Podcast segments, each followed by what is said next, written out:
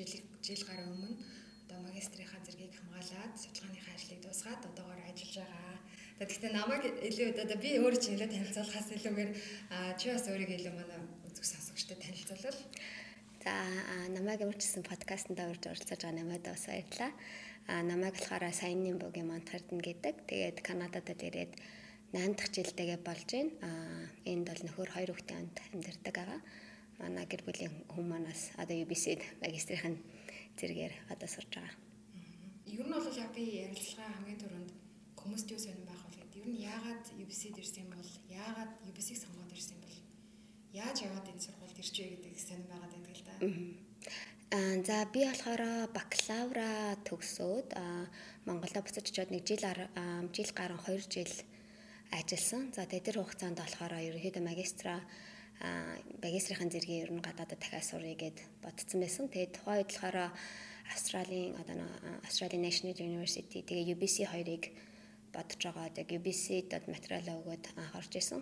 Аа тэгээд яагаад UBC-г сонгох болсон бэ гэхээр за нэгдүгээрт магистрийн өөрөө хөтөлбөр гэдэг бол ерөнхийдөө судалгаан дээр үндэслэж одоо судалгаа дээр үндэслэж явагддаг програм учраас нэгдүгээрт миний хамгийн нэгдүгээрт одоо харж исэн зүйл маань хэм бол тухайн сургуулийн одоо судалгааны баг нь хэр хүчтэй байна. Профессорууд нь хэр одоо ямар профессорууд ажиллаж байна те тэгээд судалгааны фанд нь хэр одоо боломжтой байна.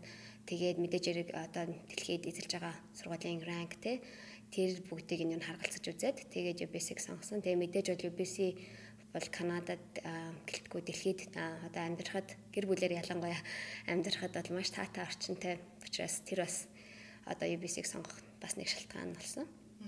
Бакалавра ямар мэргэжил хийсэн? За бакалавра болохоор би Япон улсад болохоор байгалийн нөөцийн бодлого гэдэг мэргэжлэр дөргсөн. Тэгээд сая магистр болохоор UBC-ийн уул уурхайн сургуулийн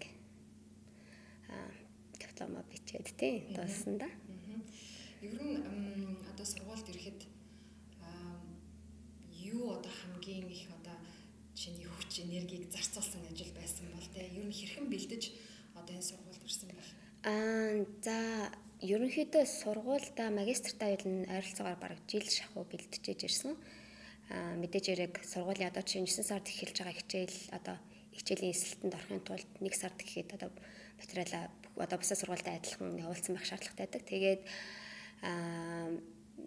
за хамгийн их миний магистрт ороход хамгийн их одоо ажилласан зүйл гэх юм бол аа судалгааныхаа ажил одоо судалгааны ажил гэдэг нь ямар судалгаа хийх юм ямар багш дээр хийх юм те юун дээр ажиллах юм гэдэг тэр дээр айгүйх ерөнхийдөө айгүй сайн бодож тэгээд багш айгүй сонгож тэгж ирсэн. Тэгээд тэрнээс гадна болохоор бас визний хугацаа визэн дээр бас их нэлээд цаг авсан. Миний бодож байгаагаас ил их цаг авсан. Тэгээд ерөөдөө 6 сард сургуульд бол материалаа 1 сард өгөөд хариугаа аваад тэгээд 6 сар гэхэд аа визнийхэн материаланд ороод тэгээд бараг 9 сарын дунд гэхэд яг хариугаа аваад тэгээд хичээл эхэлсэн байхад хичээлдээ уралдаал иржсэн да. Би бас өөртөө жуулахаас өмнө одоо graduate сургууль буюу бакалавр бакалавраас дээш буюу тийм магистр докторийн хөтөлбөрүүдийн талаар бас жоохон судалж хаглаа л да. Тэгсэн чинь энэ дээр ингээд хоёр төрлийн хөтөлбөр байгаад байсан юм. Нэг нь болохоор MA буюу Master of Art, нөгөөх нь MED буюу Master of Education гэсэн хоёр програм байгаадсан. Тэгэхээр энэ хоёр яг юугаараа ялгаатай юм? Чиний төгссөн чинь болохоор Master of Art нь тийм. Яагаад тэгэхээр тэн дээр нөгөө юу дипломын ажил бичин, судалгааны ажил бичин гэсэн байсан. Тэгээд энэ хоёрыг төгссөний дараа жишээлбэл дараагийн карьерүүд нь яаж өөрчлөгддөг, ямар өөр үе шатаар явд юм бол? Аа за жишээ нь магистр За UBC бол ингэж байгаа байхгүй юу? Аа 11 факультет ойрцоогоор 300 гаруй програмтай сургууль. Тэгэхээр програмаас хамаарат те тэгээд факультетээс хамаарат яг хуу тухайн сургуулийн шалгуурууд нь өөр. Магистрийн хувьд болохоор би бол Master of Applied Science гэдгээр төгссөн. А нөгөөт нь болохоор Master of Engineer гэдэг манай сургууль бол хоёр төрлийн програм байдаг. Тэр нь болохоор яг уу нэг нь болохоор ерөөхдөө course based, нэг нь болохоор диплом буюу одоо thesis бичдэг. Тэр нь болохоор яг нэг тухайн магистрийг хөтөлбөрийг төгсөхөд заавал шалгарт нь ордог. Тэгэхээр минийх нь миний төгс нь болохоор яг диплом бичиж төгсдөг.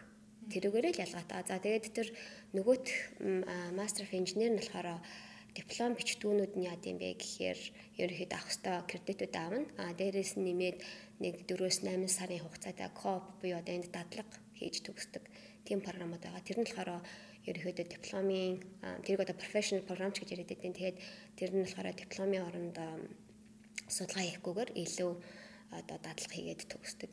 Тиймэрхүү мэрэгчлээ. А бүр зүгээр одоо кредитээ цуглуулад диплом шаардлагагүй одоо диплом бичих шаардлагагүй бас магистрийн хөтөлбөрүүд бол мэдээж өөр сургуулиуд дээр нь бол байгаа тий. Одоо ер нь сүүлийн үед Монголд жишээлбэл гадны том сургуульд явахаар зорж байгаа. За ер нь л одоо төлөвлөгөө гаргаж байгаа хүүхдүүдэд чи бусдаас онцгой бай тий. Чи тэр сургуульд ингээд яагаад чамайг авах ёстойг ингээд харуулсан тийм онцгой бай гэдэг болж л тань. Тэгэхээр хүүхдүүд бас бодож байгаа би юугаар онцгой байх ёстой юм бол жишээлбэл чи бусдаас яваар онцгой байсан бол чиний бодлоор за тийм үү. За би яг яагаад намайг сонгосон монгосон гэдгийг бол одоо яг хэлж мэдгүй. Гэтэ ерөнхийдөө жишээ нь магистрийн хөтөлбөр гэдэг чинь өөрөө бэ түрүү хэлжсэн шиг судалгаан дээр их үндэслэгддэг учраас яг уу миний бодлоор бол хамгийн нэгдүгээр те чи ямар төрлийн судалгаа хийх гэж байгаа, ямар багштай хийх гэж байгаа. Тэр судалгааг чи хийгээд буцаад за ямар одоо хувь нэмэр оруулах гэж байгаа нийгэмдээ тэр судалгаар ямар практикл ач холбогдолтой тэрийг бол айгүй хардаг бах. А дээрэс нь зөвхөн одоо голч оноо те он сурдаг байгаад бас илүүтэйгээр бас ерөнхийдөө нэг well rounded гэдэг чинь одоо ерөнхийдөө бүх талаараа ерөнхийдөө одоо сайн оюутан ингээл сургуулал шигшиж авахыг хүсдэг. А тэгээд тэр нь болохоор нийгмийн чинь одоо оролцоо хэрэг, хэр их волонтер ажил хийдیں, хэр их одоо академикаас гадна тий буцаад одоо ямар тий итгэвтэй амьдртын хэрэг лидершип скилтэй тиймэрхүү зүйл бол харж авдаг.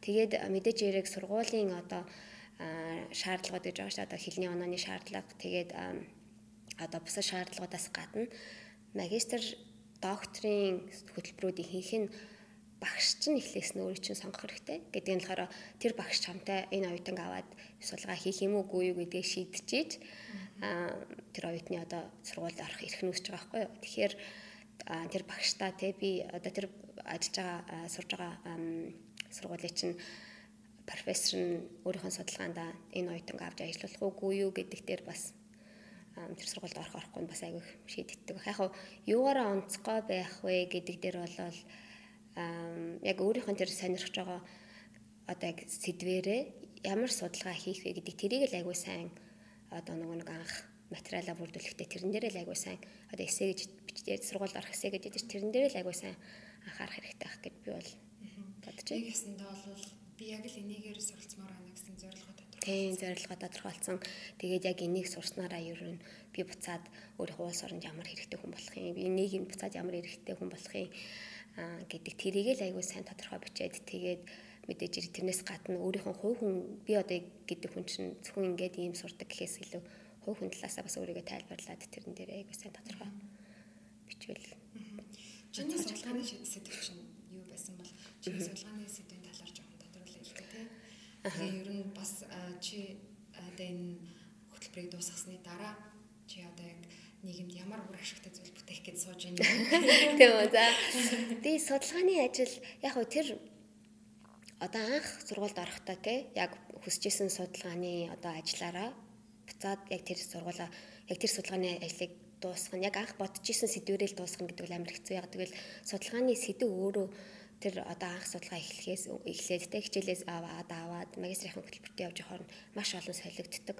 Яг анхнаасаа л за би энийг л олж судлана гэд одоо ирж байгаа хүмүүс бол байна. Гэхдээ бас одоо ерөнхийдөө за би энэ проблемыг л ерөнхийдөө яаж хэддгийг мэдэх гэсэн юм а гэж ирээд айгүй том проблемийн зөвхөн нэг хэсгийг нь ойлгоод судалчаад буцагч хүмүүс бас байна те. Тэгэхээр миний судалгааны хувьд бол за миний яг дипломын ажил ах юм бол би уул уурхайн сайтн дээрх ахан хог аягдал буюу тэр дунд хоолны аягдлыг бууруулах яаж хоолны аягдлыг одоо одоо хоолны аягдлаас энерги юм уу те буцаад одоо идэвхтэй одоо ашигтай тий идэвхтэй одоо ашигтай зүйл гаргаж авах боломжтой вэ. Тэгээд ер нь Канадын уул уурхайн компаниуд хоолны хаягдлаа бууруулах дээр ямар одоо арга замууд ашиглаж гин, юун дээр анхаарч гин те тэр тал дээр бол би судалгааны ажиллаг хийсэн.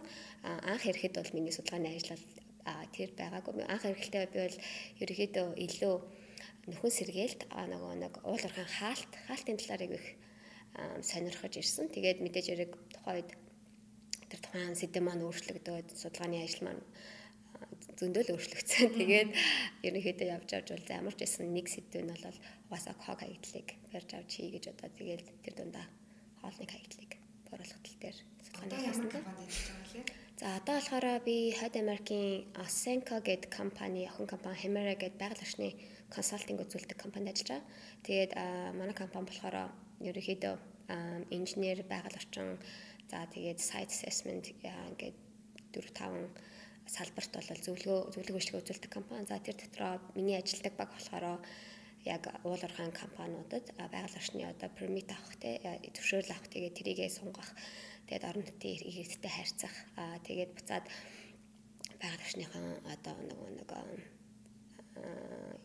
одоо форм байгаль орчныхан тэднийг одоо буцаад засгийн газартаа яаж одоо мэдэгдэх ч юм уу тэр репорт хийх тиймэрхүү одоо үйл ажиллагаа явуулдаг багт нь ажиллаж байгаа. Оюутнууд бол ерөнхийдөө анханасаа би яг энийг л одоо зориуд ирсэн ийм л сэдвэр диплом бичнэ гэж бодсон хэрнээ ирээд бол солигдчихж болох нь шүү дээ тий.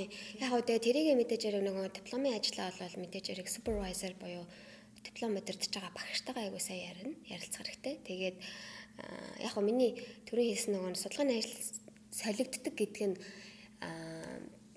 нэг одоо салбараас нөгөө салбар руу шилжинэ гэхээсээ илүүтэйгээр нөгөө судалгааны яг асуултаа боловсруулах үе одоо явц дээр айгүй өөрчлөгддөг юм шиг санагснаад бол жишээ нь за би яг энийг олж мэдээ та гэд бодож итэл тэрийг одоо ингээд literature review буюу одоо ингээд судлагдсан байдлыг үзэхэд аль хэдийн судалсан ч юм уу те? Эсвэл байх юм бол тэрийг одоо судлагдаагүй одоо өөр сэдвийг нь өөр одоо өнцгөөсөн ч юм уу бичих те? Гэх мэтчлэн яг нэг яг анх бодож исэн асуултаа шууд хариултыг аваад хийдэг судалгаа гэхээр ерөнхийдөө л миний бодлоор амар шиг санагдсан. Яг мэдээж яриг сурахыг хүсэж байгаа, судлахыг хүсэж байгаа сэдв үйл гэж байгаа те. Тэр сэдв дотроо бол яг өөрчлөгдөх тийм одоо зүйл үл байт юм байна гэж би бол анзаарсан шүү дээ. Тэгэхээр би бас нэг зүйл тодруулж хэлмээр байна л да. Өнөөдрийн битүүрийн одоо ярилцлага маань ерөнхийдөө шинээр энд олон улсын оюутан болоод ирж байгаа хүүхэд залууст те тэгээд дээрэс нь гэр бүлүүдэд зориулж явагдаж байгаа. Тэгэхээр мэрэгжлийн талын одоо мэдлэг мэдээлэл бол баг өгөхгүй. Зүгээр яг амьдралын туршлага те шинэ оюутан болоод хэрхэн ирсэн оюутны амьдрал яаж үргэлжилдэг те UBC их сургуулийн British Columbia их сургуулийн кампус ерөнхийдөө ямар байд юм бэ? Оюутны амьдрал нь хэр байд юм бэ гэдэг талаар би хүмүүст бас мэдээлэл өгөхийг хүссэн юм. Тийм тэгээд ер нь анх ирж байхад одоо бэрхшээлтэй юм юу байв. Тэгээд одоо эндхийн амьдралд тасахад өмнө нь чи Японд сурч байсан гэсэн шүү дээ. Тэгэхээр бас л хоёр өөр шүү дээ. Тэнд нэг Азийн шалгуур орн байгаад байдаг. Энд хойд Америкийн орн байгаад байдаг. Аа тэгээд тэнд боловсрол эзэм систем байгаад байдаг. Энд дахиад ингээд мэрэгчлээд ажиллах гэдэг, мэдлэгээд ажиллах гэдэг. Аа тэгээд анх ирж байхад ер нь чамд энд тасан зохицоход одоо хамгийн их тусалсан зүйл юу байв? Ямар одоо тийм сонирхолтой туршлагаас манай зөгчдтэй хуваалцах одоо э, ирж байгаа оюутнуудад сонирн байх бол гэж бодож байна. За яг нээ нөгөө хэлгээд бол яг анх харж байхад би өөрөө манай хүүхэд айгүй баг 4 сард ирж байсан. Тэгэхээр ирээд тасан цогцох тэр хугацаа бараг олдоогүй тэгээ шууд л хичээлд орсон. 9 сарын дундуур гэхээр яг хичээл эхэлсэн байсан учраас аа яг уу хувийн талаасаа болоод яг байгаа тухайн байгаа одоо энэ UBC Ванкуурта тасахад бол би бакалавртаа болохоор угаасаа бүжиглэх сонирхолтой. Агиох бүжгийн нөгөө дугаалны гэсэн бүжиг. А энд ирээд хамгийн анхны орсон клуб болохоор яг Латин Америк бүжгийн клубд бол явдаг байсан. Тэгээ яг тэр нь бол энд байгаа оюутан энд байгаа одоо залуучуудтай тасан одоо найзлах тий. Тэгээд энд байгаа орчиндөө тасан зохицохоос илүүтэйгээр бас стрессээ менеж хийгээд агиох тусалсан гэж боддог. Тэгээд тухайд бас жимэнд явж эхэлсэн. Тэгээд тэр нь ч гэсэн одоо бас хичээлийн хажуугаар илүү одоо чөлөө цагаа өнгөрөх тийм боломжийг олгосон. Хүүхдүүдэд чинь бас том хүүч нь хэд настай ирсэн гэсэн үг? Манай том хүүхд 4 сар тахтай ирсэн. 4 сар тахтай тий. Тэгээд яг хаа цаг агаар явд бол 9 сард ирэхэд бол айгүй гоё уур амьсгалтай амар бараг л Монголын зун шиг байхад ирсэн. Тэгээд хичээлдээ ороод ерөнхийдөө ер нь айгүй завгүй болж эхэлсэн дээ. Тэгээд 12 сар 1 сар хүртэл бол яг хичээлдээс учраас тэгэл манай хүн хичээлийн дундор хүүхдэд тэрхтэйгээ хурж нөгөө нэг тэрхтэйгээ төрж хурж ирээл тэгэл хөвгүүлчээл тэгэл нэг хичээлээс нөгөө хичээлийн дундор бол ордог гэсэн. Тэгээд яхаа манай кампус өөрөө айгүй том. Тэгээд баг одоо би яг өнөө хөглөхөө харж байсан яг Эрдэнтийн нөгөө хотын төвийн хэсэгтээ баг тэнцгээр хэмжээний өөрөө кампус тийм том учраас тэгэл манай гэрээс нэг хичээл орж байгаа байр хүртэл нэг 20 минут 25 минут явхаар тэгэл хоёр хичээлийн дундуур заримдаа амжихгүй байх тохиолдол их гарна тэгэл манай хүн хоол хийгээл тэгэл хүүхдээ төрөл авчрал хөвөлчл явдаг гэсэн. Агих завгүй амьдрал одоо оюутан хугацаанд чинь өнгөрсөн баг л та. Тэгээд хүүхдийн хүүхдүүдийн ээж байна тий. За тэгээд айл гэрийн эзэгтэй байна. Тэр чинь аа гэрээ бас зохицуулах хэрэг гарна шүү дээ тий. Дандаа л ингээл би оюутан хүн гэл юунаас ингээл яваад байж байгаа гэж болохгүй. Тэгэхээр ер нь завгүй ээж оюутны өдрийн амьдрал ер нь хэрхэн өнгөрдөг байсан бол аа ихэн үедээ болоод яг би бол амар азтай да манай хүн тухайд яг цуг ирээд яг хүүхдтэй бол бүр 100% харсан. Тэгээд би яг хичээл явахаар бол гэртээ ингээ хүүхдтэйгээ зурлах бол үнэхээр цаг байгаагүй. Тэгээ их үед бол ээж байх, оюутан байх хоёрыг бол асуулна гэдэг бол үнэхээр хэцүү байсан. Тэгээ жоох хүүхдтэй тэгээд дөнгөж нэг анхны хөтлөхоороос хүүхдээ яах вүлээ гэдэг дээр дээрээс нь яг ингээл шинэ оюутан болоод их үед бол уйлж ис үдцэндээ байгаа. Тэгэл яг азар манай хөр маань өөр яг тухайд хүүхдээ яг 100% хараал тэгэл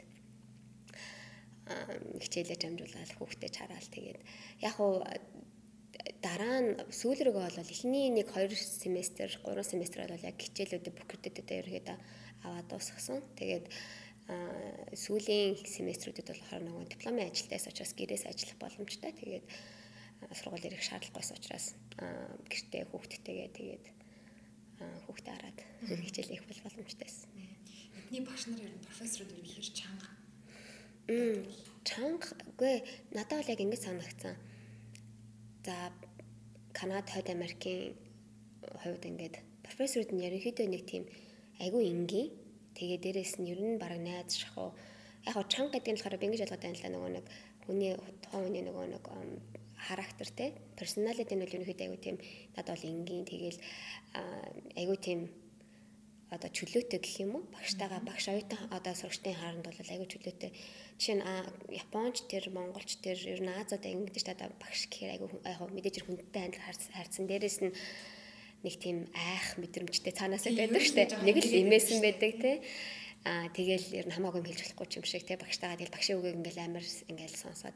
Энэ болохоор миний анзаарснаар бол багштайгаа илүү тийм найз юм шиг те. Тэгээд хичээлийн одоо яг тахимд ч гэсэн байгаа байдал нь ерөнхийдөө тийм аль алхоор нэг хоорондоо за хичээлийн явагдаж байгаа те лекцийн одоо хооронд дундуур явж байгаа ярилцлагч тэр ярианууд ч тэр ер нь үе тэнгийн найзтайгаа ярьж байгаа юм шиг. Тэгэл ер нь амар энгийн харилцаатай. Тэгээд тэгж санагдсан надаа. Яг хуу чанга гэдэг дээр бол мэдээж хэрэг багш болгоны нөгөө нэг дүнгээ тавьж байгаа шалгуурууд мэдээж хэрэг хичээл болгоны шалгуурууд мэдээж хэрэг өөр байгаа. Тэгээд яг хичээлийн шинэ жил эхлэхэд те анханаас нь тэр хичээл дээр ямар ямар шаардлагыг хангаж ээж дүнгээ авна гэсэн тэрийг айгуу сайн ойлгоод тэрийг ер нь цаг хугацаанд нэгчих юм бол ерөнхийдөө дайж. Тэгээ гаг. Өдөрт ер нь хичнээн цагийн хичээлтэй байх. Тэгээд одоо тэр чин лекц семинар гэл ингээл тус тус тавьж байгаа. Тэгээд дээрэс нь одоо гадаад хэл дээр хичээл судлаад шүү дээ. Номын санд их суух хэрэгтэй болно дээ. Ер нь өдрийн хэдэн цагт нэг хичээлдээ суугаад хэдэн цагийн номын санд өнгөрөөдөг гэсэн бэ?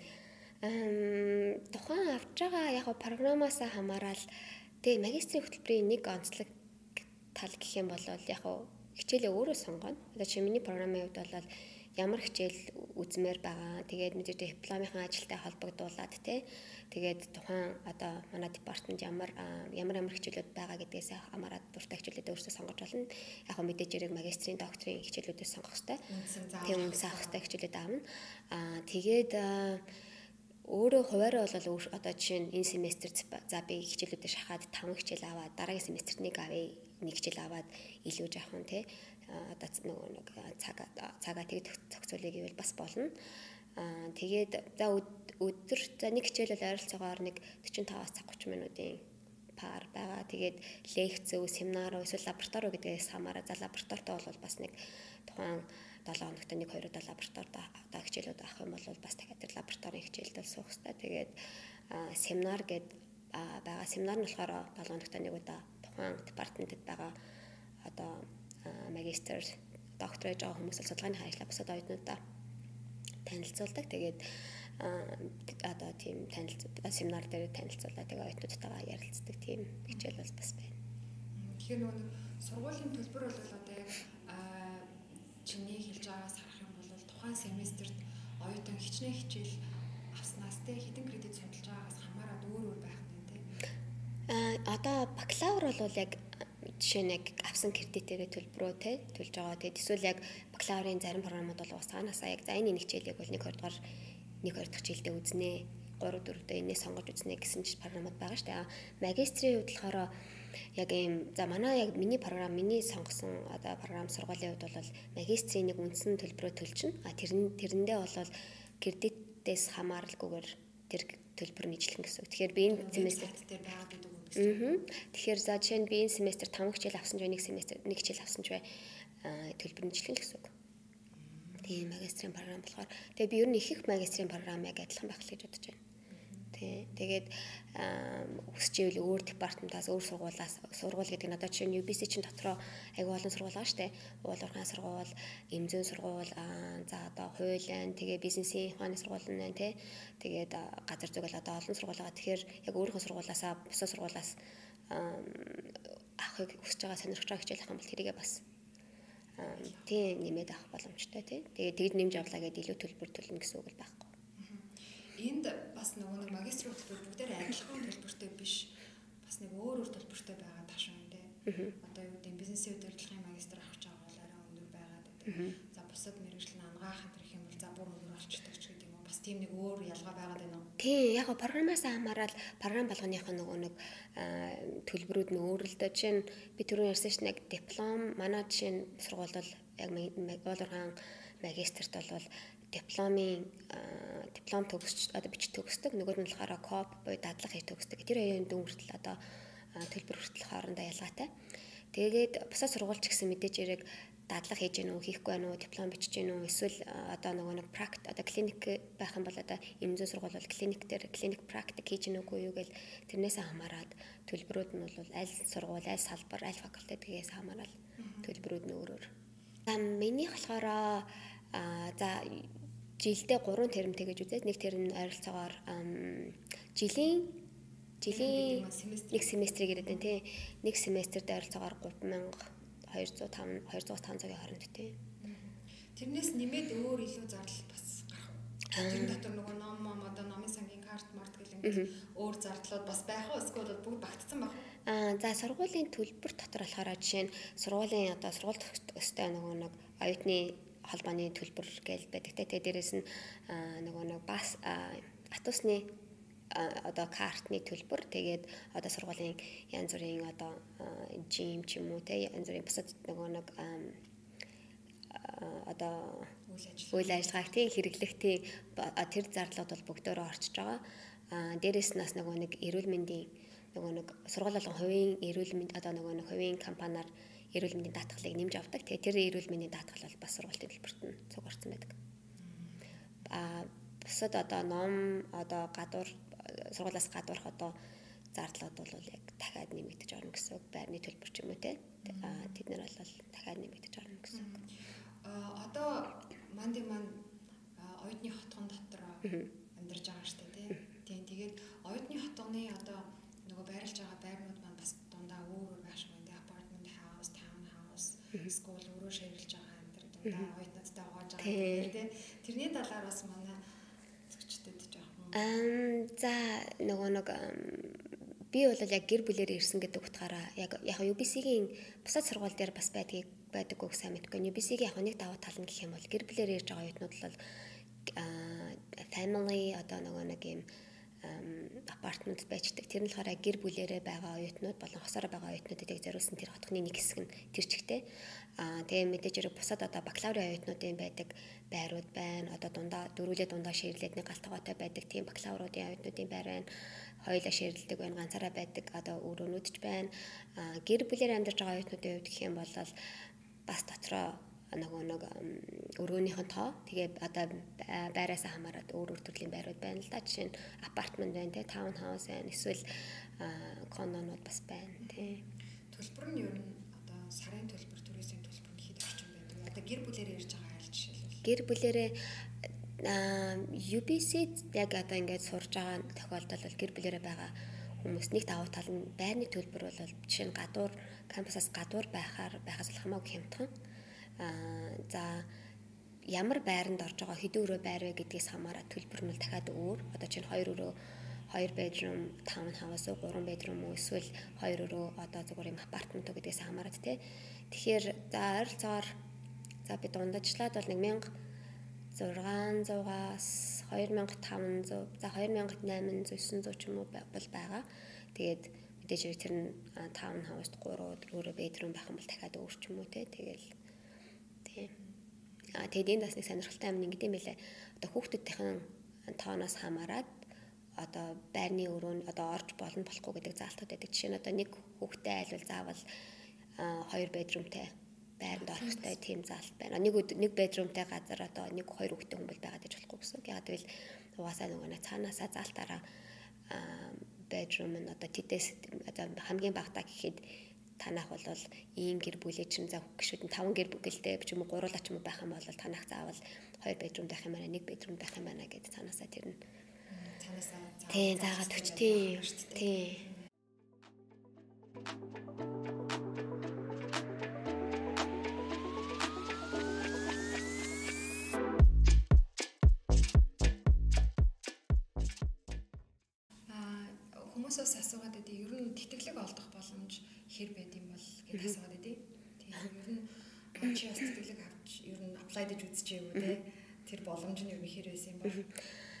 яг магистр докторийн хөтөлбөрийн хувьд болохоор жишээ нь оюутнууд бол зарим нь бол тухайн хөтөлбөртөө орохоос өмнө те тэтгэлэг аваад тэтгэлэгт одоо нөгөө нэг apply хийгээд аваад ирж байгаа оюутнууд байна. А ирснийхэн дараа сургуулаас ч юм уу эсвэл ямар нэг нэрэмжит байгууллагын нэрмжит ч юм уу те хувийн нэрмжит тэтгэлгүүдэд бол одоо материалаа бүрдүүлээд авч болж байна. Дээрэс нь одоо нөгөө нэг research fund-д гэж байдаг одоо нэг судалгааны фандуудад те судалгааны хаялаа хийж одоо сангууд. сангууд. Тийм тиймэрхүү зүйлүүдэд бол бас материалаа бүрдүүлээд бол фанд маягаар л авч болно тий. Аа тэгээд жишээ нь UBC бол яг юу гэдэг олон улсын оюутнуудад болохоор олон улсын оюутны entrance одоо нөгөө нэг юм scholarship гэдэг өгдөг. Тэр нь болохоор тухайн оюутны дүн зөндөө олон ерөнхийдөө фанд awardууд бол байгаа. Аа тэгээд олон улсын оюутанд бол анх ороход болохоор тухайн оюутны дүн те тухайн оюутны одоо merit based гэдэг тухайн оюутны одоо background-ыг шалгаж агаад одоо тэтгэлэг нэг удаагийн нэтгэлэг өгдөг тиймэрхүү бас аваардууд байна. Эсвэл семестр болгонд те тухайн оюутны одоо нөгөө нэг дүн дээр суйрлаад эсвэл тухайн оюутны одоо нөгөө нэг хэр боломжтой бололцоотой байна эсвэл одоо эмзэг давхрах байна уу? Эсвэл одоо юу гэдэг disability байна уу те? Нөгөө нэг тэдрээс нь шалтгаалаад ерөнхийдөө янз бүрийн тэтгэлгүүдээ сургуулаас өгдөг тий. Ер нь чамаас уулзж авах хугацаанд одоо энд оюутан байхад хэр өрсөлдөөнтэй юм шиг Би яагаад энийг асуугаад байна гэхээр одоо хойд Америкийн боловсролын системчдэр те ер нь ингээд хүмүүсийн дунд ч гэсэн ер нь өрсөлдөөн гэдэг юм байдаг юм аа тий. Өрсөлдөөн болов сонирм биш яг олон хүний мэдлэг чухал юм аа гэдэг. Тэгэхээр ер нь оюутан байхад бас нэг арай нэг өөр байх болов гэж би зүгээр сонирхсан. Өрсөлдөөн гэдэг нь одоо анги дотор гэсэн үг тийм. Тэгээ одоо анги дотроо ер нь Аз оюутан байхад ер нь нэг тийм за би ер нь гихгүй бол болохгүй байх гэдэг юм нэг юм дотор нэг юм бодогдоод байдаг шүү дээ. Тийм юм байх болов эсвэл бол одоо юу гэдэг багш нарын дэмжлэгээр ч юм уу сургуулийн цаанаас нь бүрдүүлж өгж байгаа орчин нөхцөлийнхөө одоо нөхцөл дээр нь үндэслээд ямар ч тийм яахгүйгээр санаа зовхгүйгээр сурдагч бас тийм сурж болох ч тийм нөхцөл шүү дээ. Ер нь нэг тийм Аз оюутны эсвэл Монгол оюутны нэг юм жоохон юу байсан болов Аа доторх нэг юм яагаад гэж штэ тий.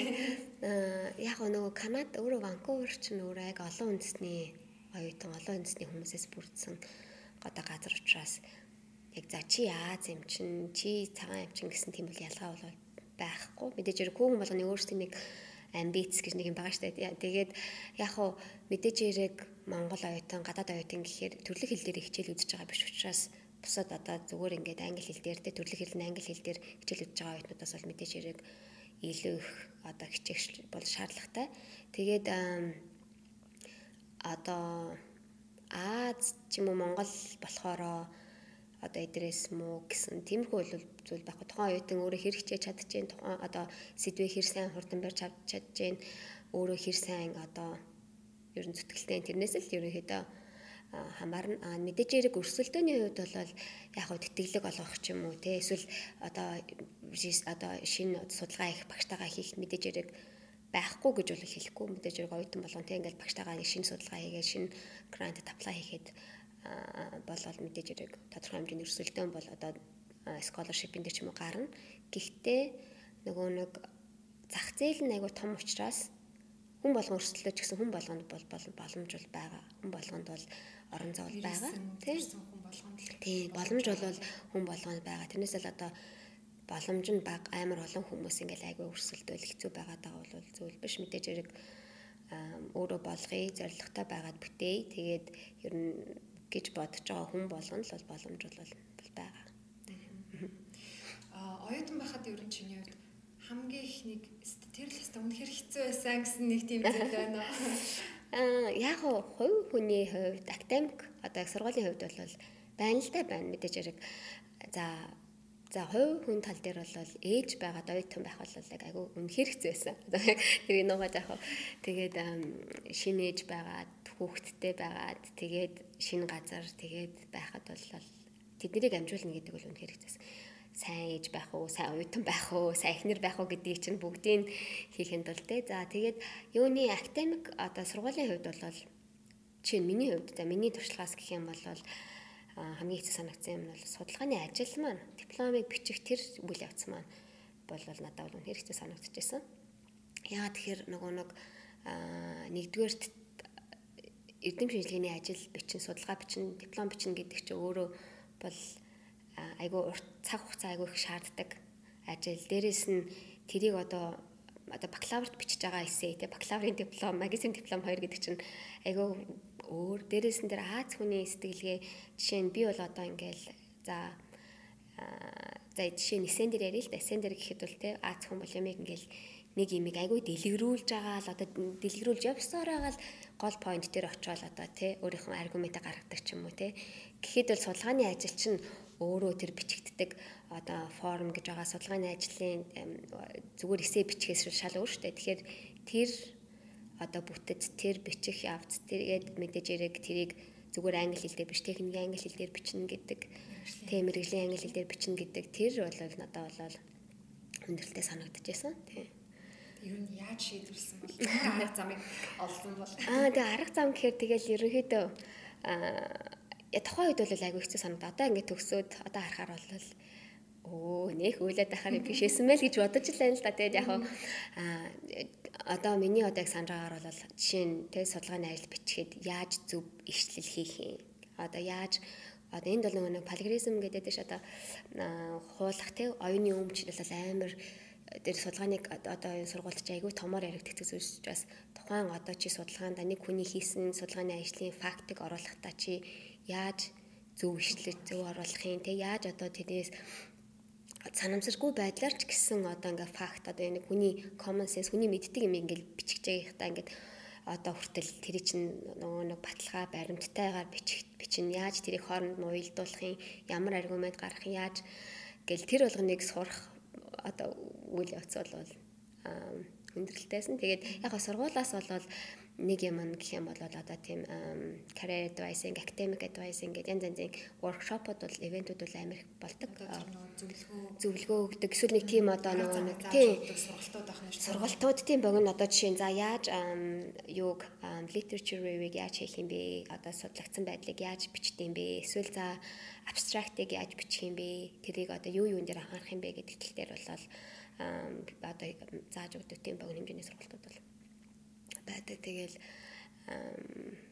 одоо арга зам гэх юм бол тэгээд баг тэр сургалтуудад хамрагдаад авах юм бол аа за за гэж баг Тэгээ олоод авах юм байна. Тийм. Тэгээ дээрээс нь яг судалгааны ажлыг өөрөө ингээд судлаад одоо бусад хүмүүс яаж хийсэн байна? Бусад хүмүүс яаж ямар арга замаар бичсэн байна? Яаж өөрийнхөө одоо одоо судлах гэдэг судалгааны асуултанд хариулсан байна. Яаж одоо юу гэдэг асуулгаа боловсруулсан байна гэдгийг аягүй сайн ингээд судлаад ирэхээр олон дахин хараад ирэхээр аа ерөнхийдөө нэг ингэж бичдэг юм байна.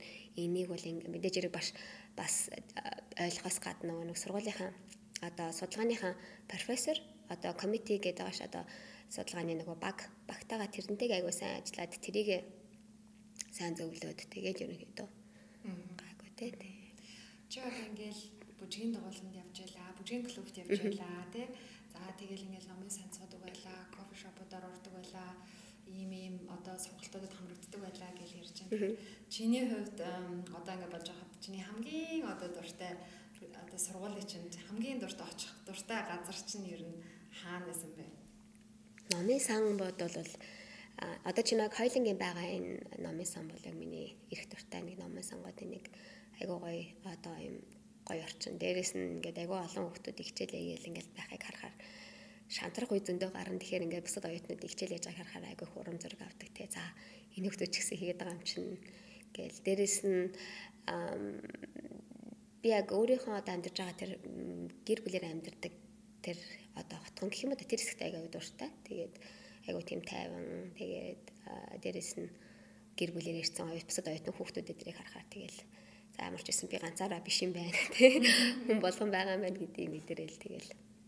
Ер нь оюутнууд их сургуулаа төгссөний дараа жишээлбэл ажил хайлт хэр хүндрэлтэй байд юм бол сургуулаас хэр дэмжлэг өгд юм бол түрүүн бас хоёулаа тэнд яриад явж байхад нөгөө төгсөгч оюутнуудын одоо холбоо түүний байрна гэж юм л ярьжсэн шүү дээ. Тэр энэ тэр юу хэр дэмтэй байд юм бол чамаа төгсөөд гарсны дараа. Ам за би яг нэг юм яг авгаа сайлгсан ялангуяа энд ирээд networking хийх гэдэг юм бол сургууль дээр ч тэр одоо ажлаар гарсан дээр тэр одоо нөгөө нэг хүмүүс аяг ярьдаг штэ.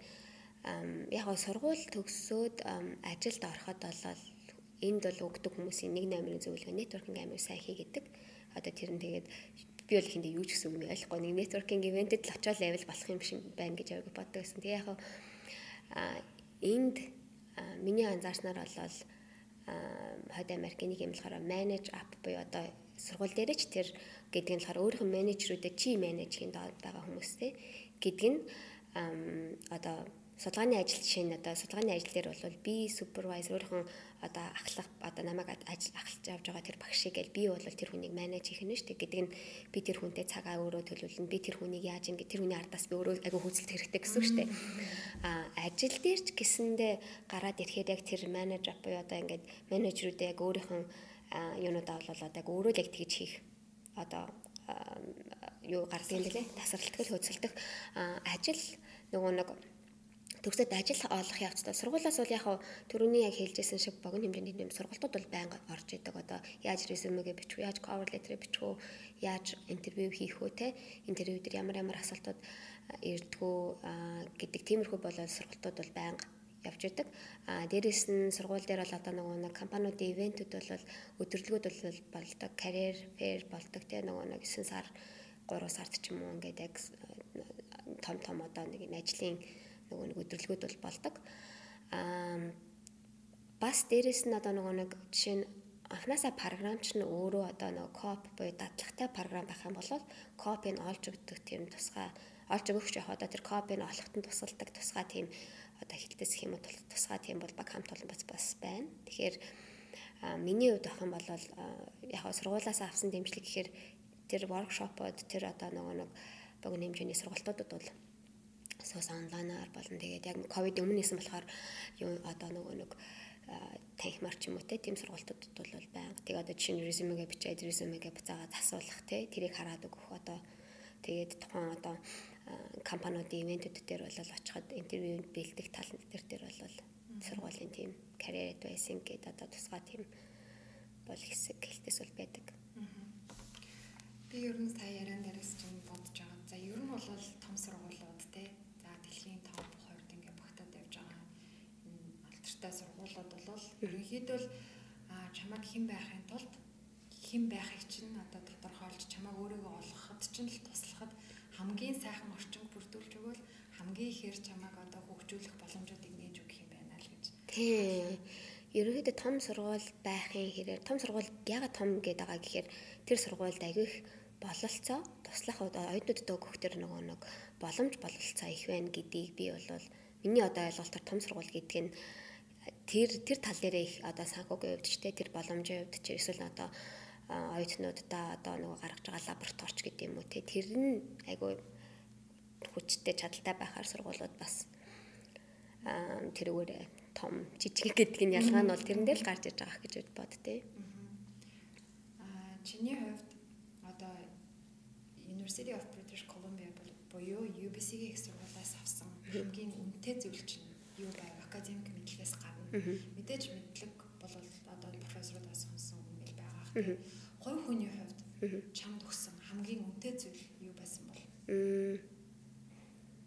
За хамгийн үнэтэй зүйл гэх юм бол за би хүмүүстэй түрүүний яриад байсан networking, connection тэр л байх гэж би бол боддог тухайн сургууль одоо ABC-д ирж байгаа дэлхийн олон одоо орноос олон янзын хүн тий олон туршлагатай чадвартай хүмүүс ирж байгаа. Тэгэхээр тэр хүмүүстэй нэг анги хамт олон болоо тэр хүмүүстэй суралцсна гэдэг бол буцаад ажил дээр гарахад тий тэр хүмүүстэй буцаад би ажиллах тэр хүмүүстэй буцаад нэг компанид таарах өөр компанид таарах хаантай газар цуг ажиллах тэр боломжууд бүрдэж байгаа гэж харж байгаа. Тэгэхээр UBC-гээс авсан миний хувьд бол хамгийн том зүйл гэвэл тэр connection юм уу даа л гэж бодож байна. Мэдээж яг мундаг профессор те мундаг одоо судалгааны баг хамт олонтой ажиллах бол мэдээж хэрэг. Тэр бол нэр хүндийн хэрэг. Тэр бол мэдээж хэрэг айгүй том зүйл. Аа гэхдээ тэрнээс илүүтэйгээр илүү одоо энэ сургууль дээр ирж байгаа тэр туршлага гэх юм уу да тэр одоо энэ сургуулиас олж авсан найз нөхөд энэ сургуулиас олж авсан танилын хүрээ гэх юм уу тэр л илүү хамгийн том одоо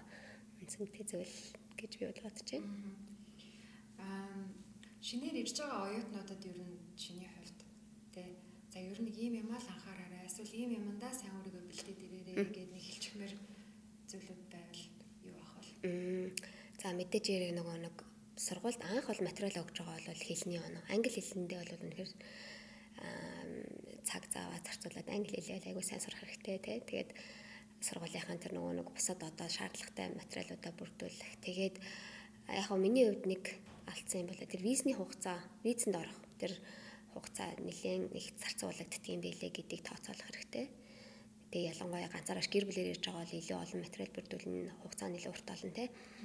Аа за өөр бэлдээд ирэх юм нь бол яг хүүхдтэй анх ирж байгаа нэг нэг үе санаа завж байна. Биш санаанд орж байна. Тэр нь болохоор хүүхдийнхаа нөгөө нэг вакцин хийлгсэн дээр ч ягаан дэвтэр тэрийг болол англиар нь орчуулад ирээр яг тэгэл анхандаа би яг анх ирсэн ирэхэд манай хүүхдийн тэр вакцины дэвтрийг одоо ямар вакцин хідэн тунгаар хаана илгэсэн тэр чинь нөгөө уус орон болгон өөр өөр одоо вакцины тунгаар одоо хүүхдүүдэд хийж байгаа шүү дээ өөрөөр насанд хийж байгаа. Тэгэхээр жишээ нь тэрийг одоо энд Монгол хийсэн вакциныг энд дүүцүүлэх гэж нэг жоохон одоо асуудал болж байсан тэгэхээр яг тэрийг хийгээд ирвэл зүгээр. За тэгээд сургуулийн тал дээр бол өөр эргэж байгаа сургууль айгуу сайн судлаад, профессор айгуу сайн судлаад, өөр нөөц бололцоог нь айгуу сайн судлах хэрэгтэй. Тэгээд тухайн одоо эргэж байгаа улс орондоо байгаа одоо нөгөө нэг тэр тэрийг айгуу сайн одоо тухайн одоо нөгөө нэг улс орныхоо соёл хүмүүсийн одоо юу гэдэг амьдрах орчинч гэдэг юм уу те тэрийг бас судлаад ирвэл тий ойлгоод ирвэл тий сургуулаас одоо жишээ нь өгөх үйлчлэгийн дээр за одоо нэг олон улсын оюутнуудад За би одоо чинь визэнд орлоо, стадийнхаа пермитээ сунглаа. Эсвэл одоо төгснөхийн дараа энд одоо сургууль төгсгөр нөгөө нэг work permit буюу ажиллах эрх өгдөг штэ. Тэгэхээр тэрэнд apply хийх тал дээр ч юм уу те эсвэл сургууль дээр болон сургуулиас гадуур нөгөө нэг ажил хайх эдгээр дээр бүгдэн дээр сургуулиас өгдөг тиймэрхүү зөвлөх одоо хилтэс зөвлөх хүмүүс гэж байдаг. Ерөнхийдөө их их сургуулиуд олон улсын оюутан авч байгаа газрууд бол ерөнхийдөө International Student Advice гэдэг одоо олон улсын оюутанд зөвлөгөө өгдөг тийм бүр хилтэстэй учраас тэрийг аягүй сайн ирснийхэн дараач тэр ирэхээс өмнө тэрийг аягүй сайн ухаж те тэрийг тэр доторх нөөц бололцоо юу байна тэрийг бүгдийг сайн судлах аягүй хэрэгтэй. Яг тэгвэл ер нь тулгарч байгаа хувь хүн болон те академик талтай тулгарч байгаа бүх зүйл дээр чинь сургууль бол ямар нэгэн байдлаар туслах, дэмжих, заагаад өгөх хүн хилтэс гэж байдаг учраас тэрийг аягүй сайн ашиглаарай, тэрийг аягүй сайн судлаарай л гэж та хэлээ да. За за ер нь ингээд Викторийн одоо ярилцлага маань өндөрлөгтэй шаандж байна. Бас өнөөдөр нэлээдгүй цагийг чинь ажлынхан дундаас авчлаа. Тэгээд миний урлагийг хүлээж авсанд маш их баярлалаа. Өөрийнхөө туршлагаас хуваалцсанд бас баярлалаа. Тэгээд манай үзэгчдэд сайхан зөвлөгөө өгсөнд бас баярлалаа. Аа баярлалаа бас намайг өөрийнхөө подкастт орж оруулсанд. Тэгээд Монголынхан одоо ирээд болсон олон сайхан залуучуудад те хүүхдүүдэд үнтэй юм одоо хувь нэмэр орох оруулах тийм подкаст хийж байгаа. Чамд ч гэсэн маш их баярлалаа. Тэгээд залуу дүү нартаа тий багасаа айлхоор англи айгуу сайн сураад одоо дэлхийд байдаг олон гой сургуулиуд байдаг шүү. Боломж айгүйх байдаг шүү. Тэгээд тэр болгоно руу чадах одоо чинээгээрээ өөртөө өөрийнхөө хүчийг сориод үзээрэй. Ягаад гэвэл мэрилд гаргаж байгаа хүн болгонд бол боломж үргэлж нээлттэй байдаг. Тэгэхээр тэгжил захиа да. Тэгээд хийж байгаа подкастэнд нь бас амжилт хүсье. За маш их баярлалаа. Тэгээд гэр бүлд нь аз жаргал хүсье. Цаашдынх нь ажил хүмүүсэд бас өндөр амжилт хүсье. Тэгээд дараа нь илүү их амжилт гаргасан, илүү одоо өргөн хүрээнд ажиллаж байгаа сэдвэр нь бас те хоёлоо уулзах тийм цаг гарах хаа гэж бодож байна. Баярлалаа. Баярлалаа. За дараагийн удаас эрэхт нь тухайд сая нэлийн сургуультай холбогдлолтой нэлийн ярьсан юм чинь дараагийн удаа ажилд орсон туршлагаашаа ч юм уу те ажилд одоо энтхийн ажиллах ажиллаад амьдарч байхад ямар эдийн тэр талаасаа бас хуваалцах тийм завшаан гаргахаа гэж бодож байна. За баярлалаа. За баярлалаа.